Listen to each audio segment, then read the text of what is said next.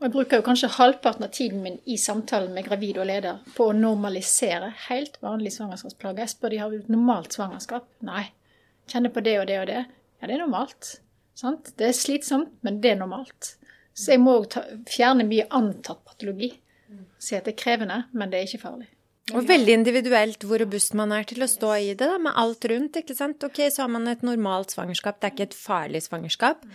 Men for deg så er det mye mer utfordrende å stå med disse bekkenplagene og søvnvanskene. Eh, det å få dårlig søvn for deg er mye mer krevende enn for naboen. Mm. Og det er fordi du har to barn fra før og har en jobb der du står på beina hele dagen.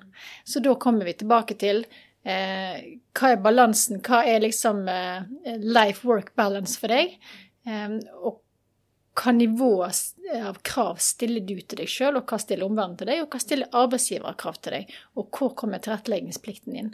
Og kan vi sy dette her sammen? Og hvis du til tross for alt dette ikke kan stå i jobb, eh, da kan det hende at du skal til legen og få en gradert sykemelding. Kanskje ikke en full, men en gradert. Og så kommer vi inn på det kjempeviktige mitt hjertebarn, svangerskapspenger.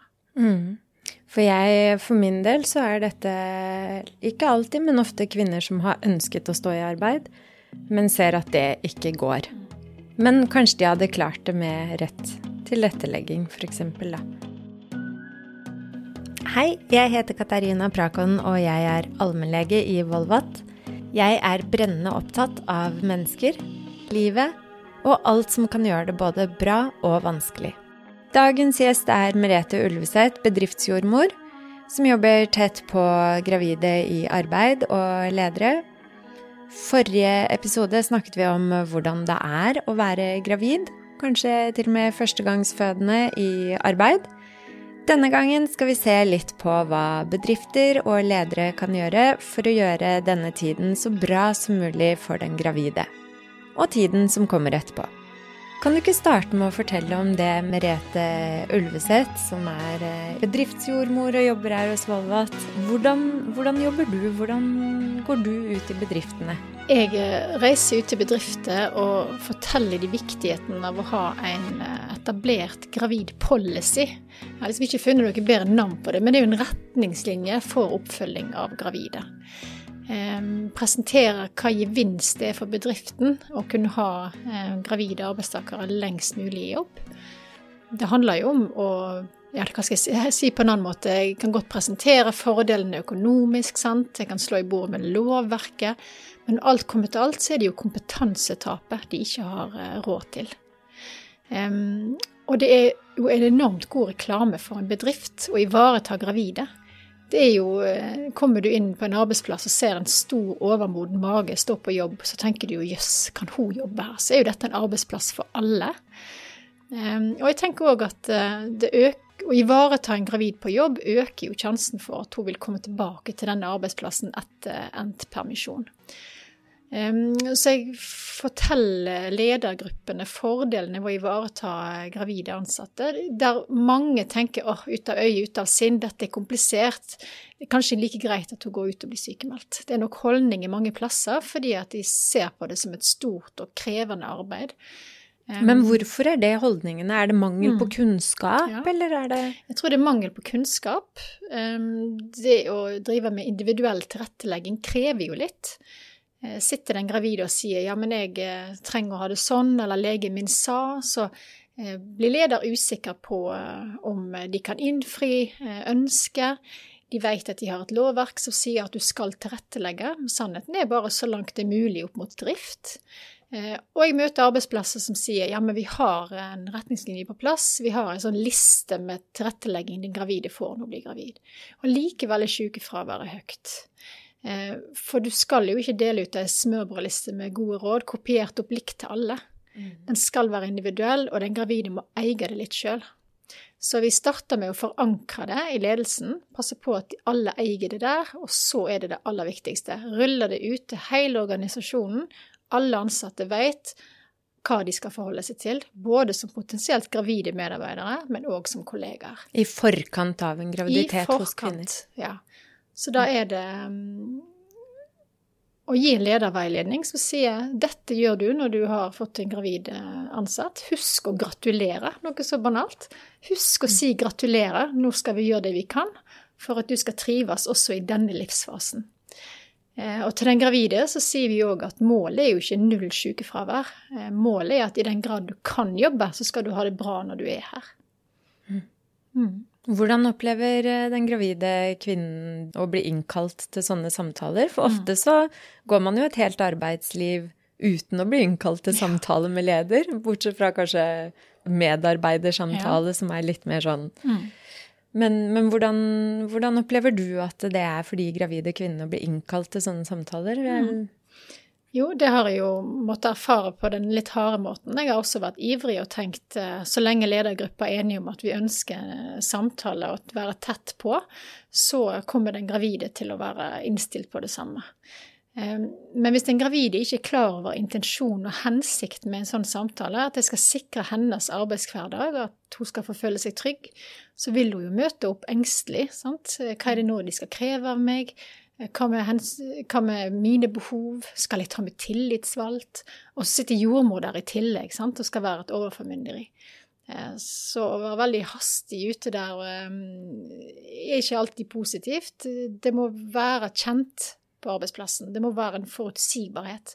Og når gravide ser at dette er for at de skal ha gode dager på jobb, og leder sier 'vi trenger deg og din kompetanse', du er en ressurs for oss, kanskje hun aldri har hørt det før. Eh, og hva er drømmedagen din, og hva trenger du i denne fasen av svangerskapet? Og så vil jo det endre seg seinere, så vi følger jo opp og som lovverket òg sier, det skal evalueres etter så og så lang tid. Hva skal nå til for at du skal trives videre? Hm. Det må jo være godt å bli møtt litt på Å bli stilt disse spørsmålene og bli møtt litt på hvor befinner du deg nå? Det er en hm. aksept for at du ikke er der du er til vanlig. Eh, vi ser det. Eh, jeg opplever jo fra legekontoret at veldig mange kvinner kommer og kjenner veldig på at de ikke klarer å prestere like godt. Eh, at de ikke har nok kunnskap om at det er en annerledes hverdag. Man forventes og bare fortsetter maskineriet sånn som det er fordi man har hørt om en nabo eller en eller annen som klarte det. Mm. Um, og så blir det sett på som en sånn ja, litt skam og litt uh, vonde følelser rundt det å ikke kunne prestere som vanlig. Eh, men hvordan kan en kvinne som blir innkalt til en sånn Du sa dere har tre sånne samtaler. Jeg antar det er spredd utover i, i svangerskapet, for der også vil jo behovene endre seg. Det går jo nesten fra dag til dag. Hvordan kan en kvinne forberede seg til en sånn samtale? Mm. Ja, hun blir jo oppfordret til å tenke gjennom eh, hva behov hun har i den fasen hun er i. Eh, hvilke oppgaver kan hun mestre, og hva finner hun som mer utfordrende? Og jeg er jo veldig tydelig på til ledere òg at eh, det skal ikke bare være trygge arbeidsdager, de skal òg være meningsfulle. Så ikke tilrettelegg med å sette de til mindre viktige oppgaver som ikke gir mening. Sant? Eh, du skal fremdeles fylle skal-oppgavene. Eh, mange ledere strekker seg langt, og så sitter de opp med kjekt å få gjort en gang-oppgaver, og da er jo belastningen på de andre ansatte blitt ganske stor. Eh, så den gravide skal, skal forberede seg med på hva, hva tenker jeg sjøl skal til i denne fasen av svangerskapet og hverdagen min i døgnet mitt. Igjen tilbake til kvalitet i døgnet. Hva må nå til for at jeg skal ha det bra på jobb og fremdeles ha overskudd til livet ellers? Og være ærlig på det. Eh, og jeg har jo til gode at ledere ikke har noen tilretteleggingsmuligheter, men de trenger å få lov å komme i posisjon til å tilby den tilretteleggingen.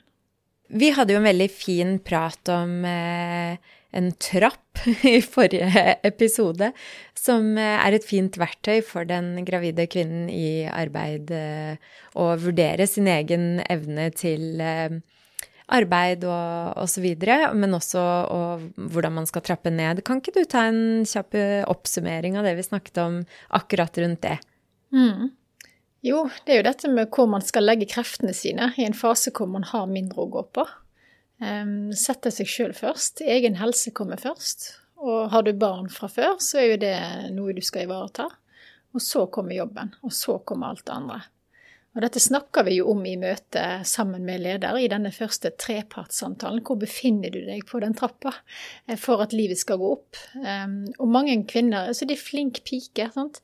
De er vant til å gi 120% og jeg sier nå holder det kanskje at du gir 100, uh, og du bør kanskje egentlig ned på 80. Og det er jo en sånn modningsfase for dem. Det er kjempeuvant å trå et trinn ned. Og um, da trenger de anerkjennelsen på at det er ok. Eh, og da har vi jo en del tiltak vi setter inn nettopp for å sikre det, som eh, favorittbegrepet mitt i bedriftsjordmorarbeidet, og det er jo gravidpausen. Åh, det likte jeg skikkelig godt. Hva er det for noe? Ja, um, det høres ut som litt sånn flåsete, heimaspikka ord, men det er faktisk eh, i lovverket, i eh, forskrift om utforming av arbeidsplassen, så skal gravide ha muligheten til eh, å legge seg ned og hvile under egna forhold uforstyrra. Og Det høres jo helt sånn luksuriøst ut, og ja, enkelte arbeidsplasser kan tilstrebe å innfri det for gravide. De har eget hvilerom, sant? de har gjerne timebok de kan blokkere og ta en halvtimes hvil. Eh, og så er vi plutselig på en arbeidsplass der det er et bilverksted, eller man løper rundt, og der er knapt eh, stoler til pauserommet. Sant? Sånn at virkeligheten er ulik der ute, men det er målet. Å eh, stoppe opp og tenke hvordan kan vi lage en kontekst der gravide får en pust i bakken. En ordentlig pust i bakken. Det er noe annet å legge seg ned og slappe av, lukke øynene og ta en timeout enn å sitte litt ekstra på en stol. For det er alltid noe som skal gjøres på jobb, men å faktisk sette av tid til å hvile. Men her, altså ja, og jeg elsker ideen og selve ordet, men her er det jo ekstremt mange nyanser som skjuler seg bak eh, Altså dårlig samvittighet over at jeg nå, hvis jeg går og legger meg nedpå en halvtime, hvordan vil kollegaene mine oppfatte det? Må de gjøre en jobb som jeg egentlig burde gjort? Eh, kan jeg klare å holde det gående allikevel? Og man kan jo som oftest ta seg sammen og gjøre det, men det får ofte konsekvenser senere på dagen. Eh, hvordan opplever du at kvinner tar imot eh, dette forslaget? Mm.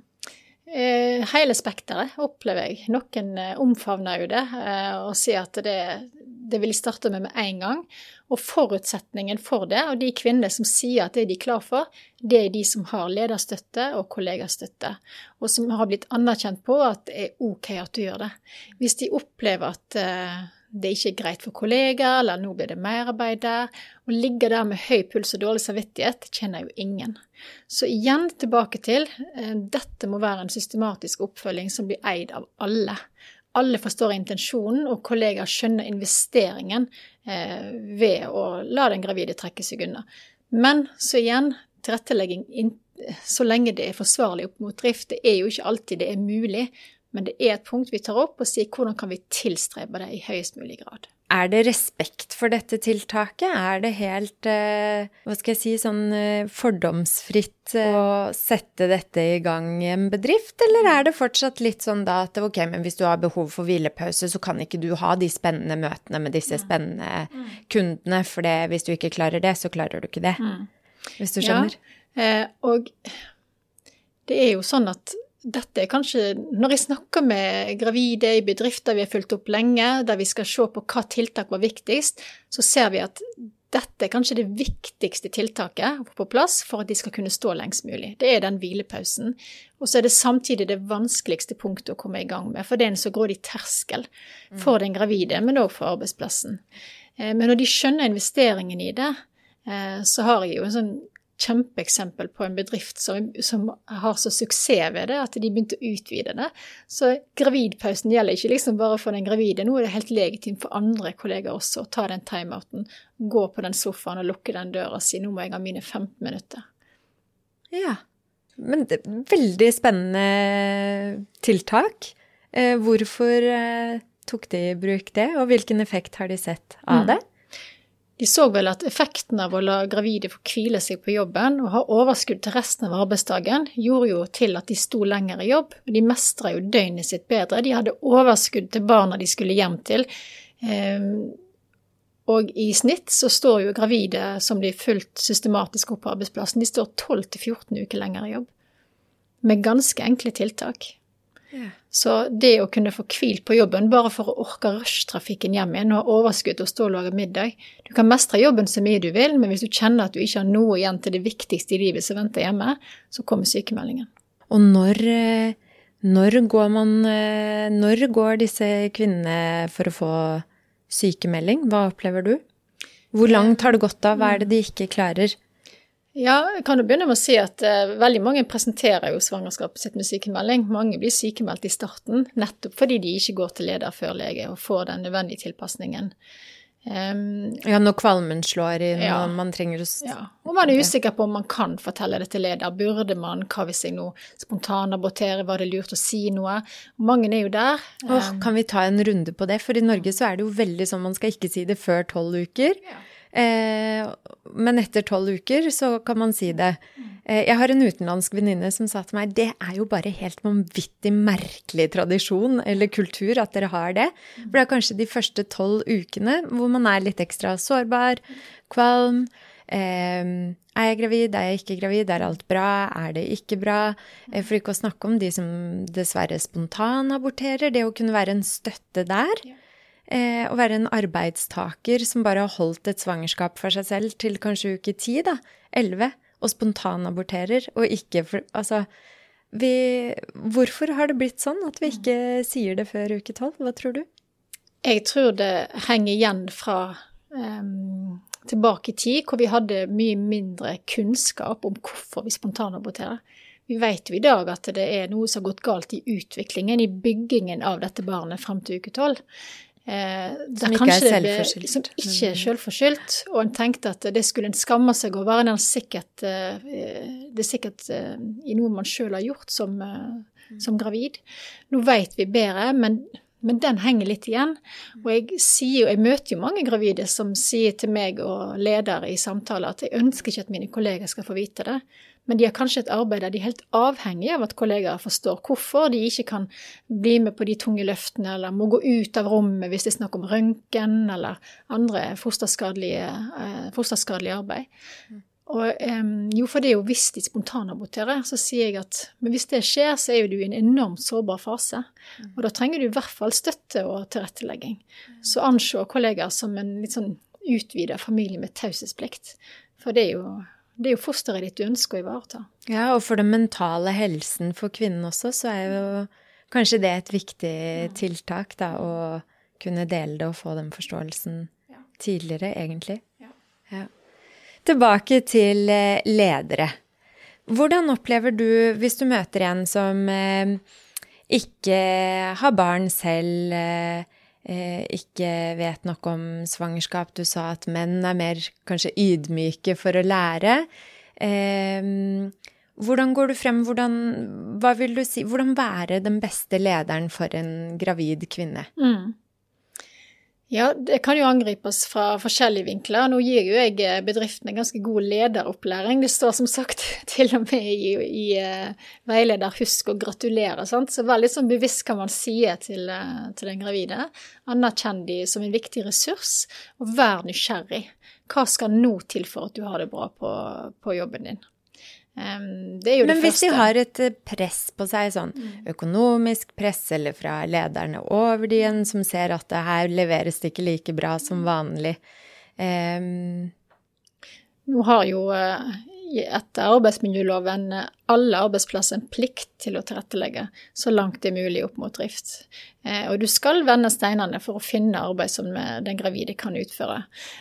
Og det kan jo være behov hun er tydelig på i forhold til at det blir for stor eh, arbeidsmengde, uforutsigbar arbeidsmengde stress eh, i ulikt nivå. Det kan være eh, noe i det fysiske arbeidsmiljøet, det kan være i det psykososiale, eh, måten arbeidet er organisert på, og annen type ja, direkte og indirekte uheldig eksponering. Og dette er jo en arbeidsplass plikta til å kartlegge. Det skal risikokartlegges for alle ansatte, men også da særlig for gravide i, denne situasjonen. Og hva er et fullt forsvarlig arbeidsmiljø?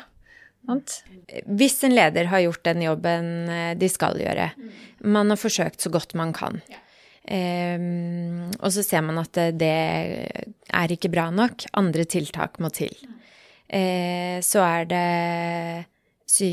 sier du, så har du også sagt at det ofte så presenteres et svangerskap med sykemelding, eller man går til legen og får ja, sykemelding. Man står mellom sykemelding og svangerskapspenger. Sykemelding vet jo veldig mange hva er, men svangerskapspenger, hva er det egentlig? Ja, og det er det mange som lurer på, og veldig mange har aldri hørt om det. En sykemelding den får du fra lege som en anbefaling når det handler om egen helse som gravid. Da er det, du er definert som syk gravid, enten ved at du må helt ut av arbeidet eller delvis ut. Svangerskapspenger det er for friske gravide um, som har elementer av fosterskadelig arbeid uh, i sin arbeidshverdag. Enten direkte fosterskadelig, som kjemikalier, uh, utsatt for røntgenstråler, det kan være at du jobber med arbeid i høyden, sant? med fare for fall, kanskje jobber du med pasienter og utagering. Eh, ting som kan være direkte eller indirekte skadelig for barnet. Eh, og mange av disse kvinnene eh, er i å kunne stå fullt i jobben sin og bli sykemeldt. Og da er de frarøvet en kjempeviktig rettighet, og det er jo å bevare sykepenger til du faktisk er syk sjøl. Så dette er liksom noe staten har tatt konsekvensen av ved å si at da beholder du dine sykepengerettigheter, og så får du svangerskapspenger for den delen av arbeidstida di der du ikke kan få fullt tilrettelagt arbeid, slik at det skal være trygt for fosteret. Det er litt som sykemelding for babyen i magen. Um, og, ja, det er et veldig viktig poeng, for hvis mm. en kvinne blir syk etter eh, hun har født barn, f.eks., mm. og har brukt opp rettighetene sine i forkant, mm så har man jo ikke rett til svangerskapspenger i andre enden. Nei, da har man nådd maksdato. Da kan man se seg tilbake på et langt svangerskap, og så har man ikke vært syk en dag.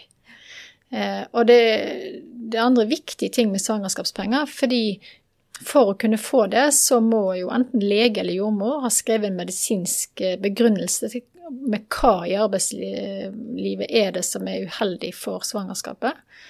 Stille krav til tilrettelegging. Og så er det arbeidsgiver som har beslutningsmakt på hva kan jeg innfri og ikke av tilrettelegging. Og kan du fullt innfri, så trenger man jo ikke søke, da har man jo løst problemet. Da har man tilrettelagt. Og kan man delvis innfri den tilretteleggingen for å sikre et trygt miljø for fosteret, så får man resterende utbetalt fra Nav.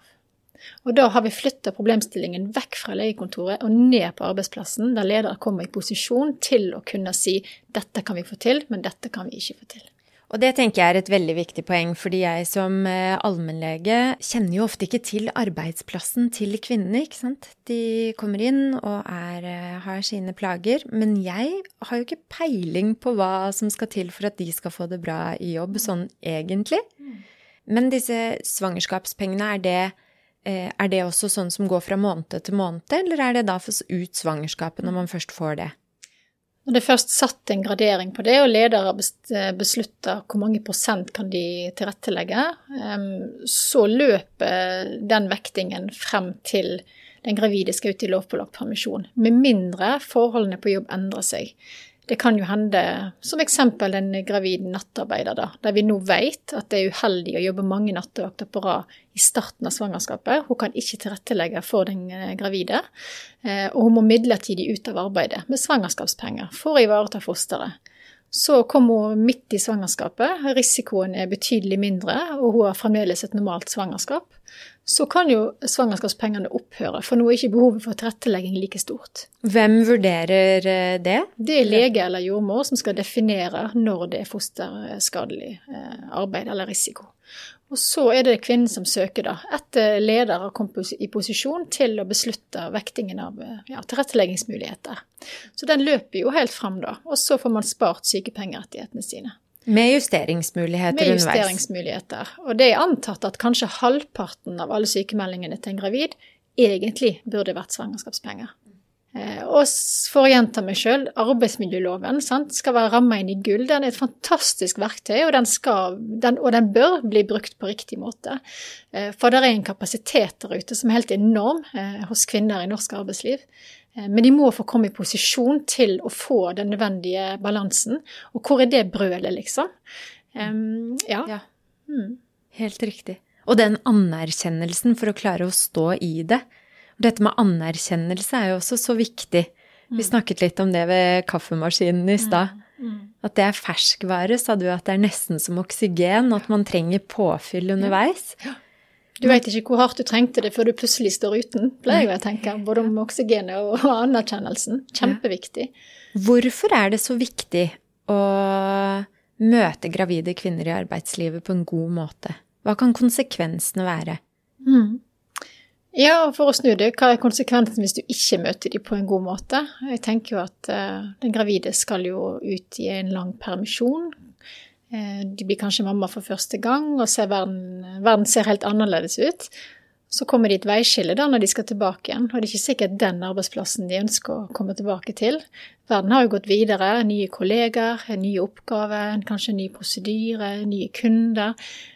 Og og er man ikke ivaretatt og kanskje har hatt et langt, eh, langvarig fravær hele svangerskapet, så bytter de gjerne arbeidsplass. Så jeg tenker at um, å få en lavere turnover um, er jo en motivasjon. Det økonomiske perspektivet Vi vet at en fraværsdag koster en arbeidsplass 3500 kroner dagen. Det er ikke sånn at bare fordi at de får lønn fra Nav, så går dette her i null. Og på 3500 så er halvparten produksjonstap, og resten er andre utgifter. Lønnsutgifter til vikar ikke tatt med engang. Um, en annen konsekvens er jo at du faktisk plikter til å følge et lovverk her. Det er plikter og rettigheter på begge sider, både på arbeidsgiver- og, arbeidstakersiden. Um, og så var det den gode reklamen, da. Sånt. En arbeidsplass for gravide er en arbeidsplass for alle. Hvorfor kvinnen, da? Hvilke dårlige konsekvenser kan det få å ikke bli møtt eh, av en god, forståelsesfull leder i svangerskapet? Er det sånn at de er predisponert til å få barselsdepresjon? At de hopper av karrierestigen fordi det plutselig er umotiverende, og de ser at ikke det går an å koble sammen med familieliv? Er det noe Jeg tror? Eh, det ligger veldig mye i det som du nevner der. Eh, jeg tenker òg at Ehm, hvis du da som ung arbeidstaker eh, kanskje bare har vært i arbeidslivet et par år, venta ditt første barn, starta yrkeskarrieren din med et langt sykefravær.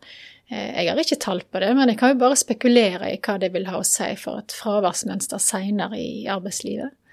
Ehm, og det å bli kobla av altså et, svangerskap er jo krevende ukjent nok, og så skal resten av kontekst i hverdagen din i tillegg bli endra eller frarøva deg.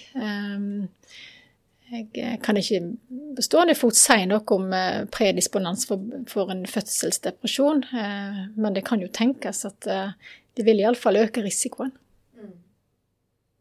Så for å oppsummere så er det rett og slett sånn at hvis vi ønsker å ha kvinner på laget med, på, med til å representere egentlig alle typer stillinger opp og ned, så er det viktig å ivareta og imøtekomme de også på den mest sårbare fasen av livet de er i, kanskje, i svangerskap og etter svangerskap. Men også at eh, eh, kvinnehelse egentlig er folkehelse, for det har så store ringvirkninger utover eh, alle rundt. Helt klart. Eh, det er bare vinnere eh, i å ta denne livsfasen på alvor. Og så skal jeg òg bare nevne på tampen at uh, vi skal være litt nysgjerrig på den generasjonen som er gravid i dag. Det er forska masse på de. Uh, og det er ikke sånn uh, hatten i hånda og tro mot arbeidsgiver et helt yrkesliv som kanskje noen generasjoner før oss var.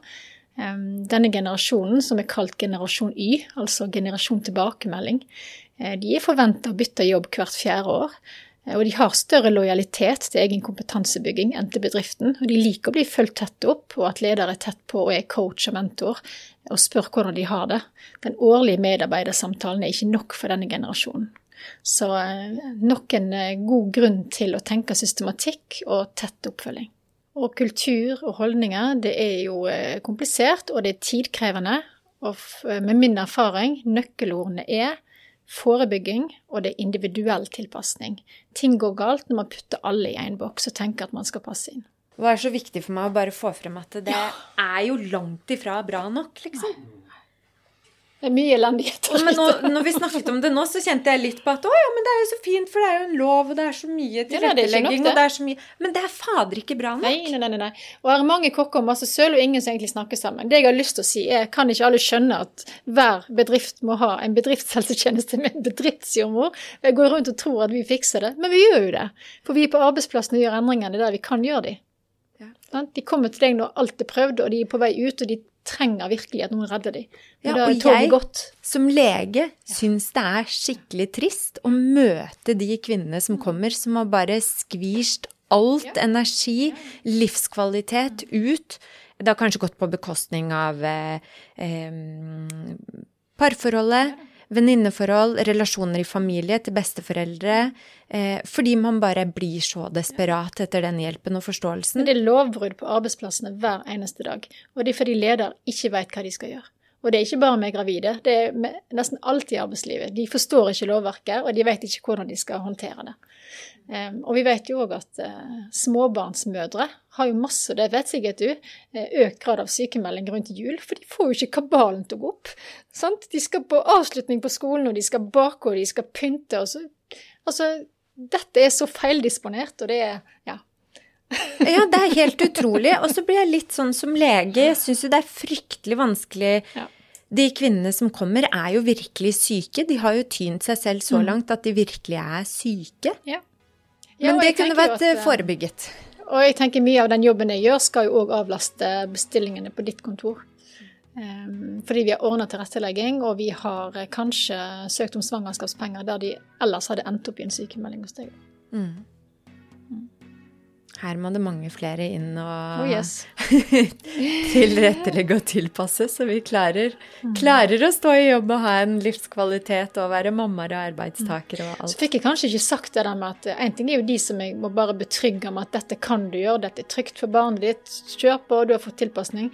Men de der ofte voksne kvinnene med veldig ansvarsfull eierskap til arbeidsoppgavene sine, så du må nesten liksom bare si, vet du hva, dette går ikke lenger. Mm. Det er OK at du nå eh, reduserer, eller faktisk går helt ut. Mm. For igjen, det er jo mm. individuelt, sant. I dag har vi snakket om hva bedrifter og ledere kan gjøre for å bistå de gravide på arbeidsplassen best mulig. Jeg håper du har lært noe av episoden i dag, og kanskje kjenner du igjen eh, noe selv, eller eh, kanskje kjenner du noen som eh, hadde hatt godt av denne informasjonen. Følg oss i podkast-appen din, så høres vi neste uke.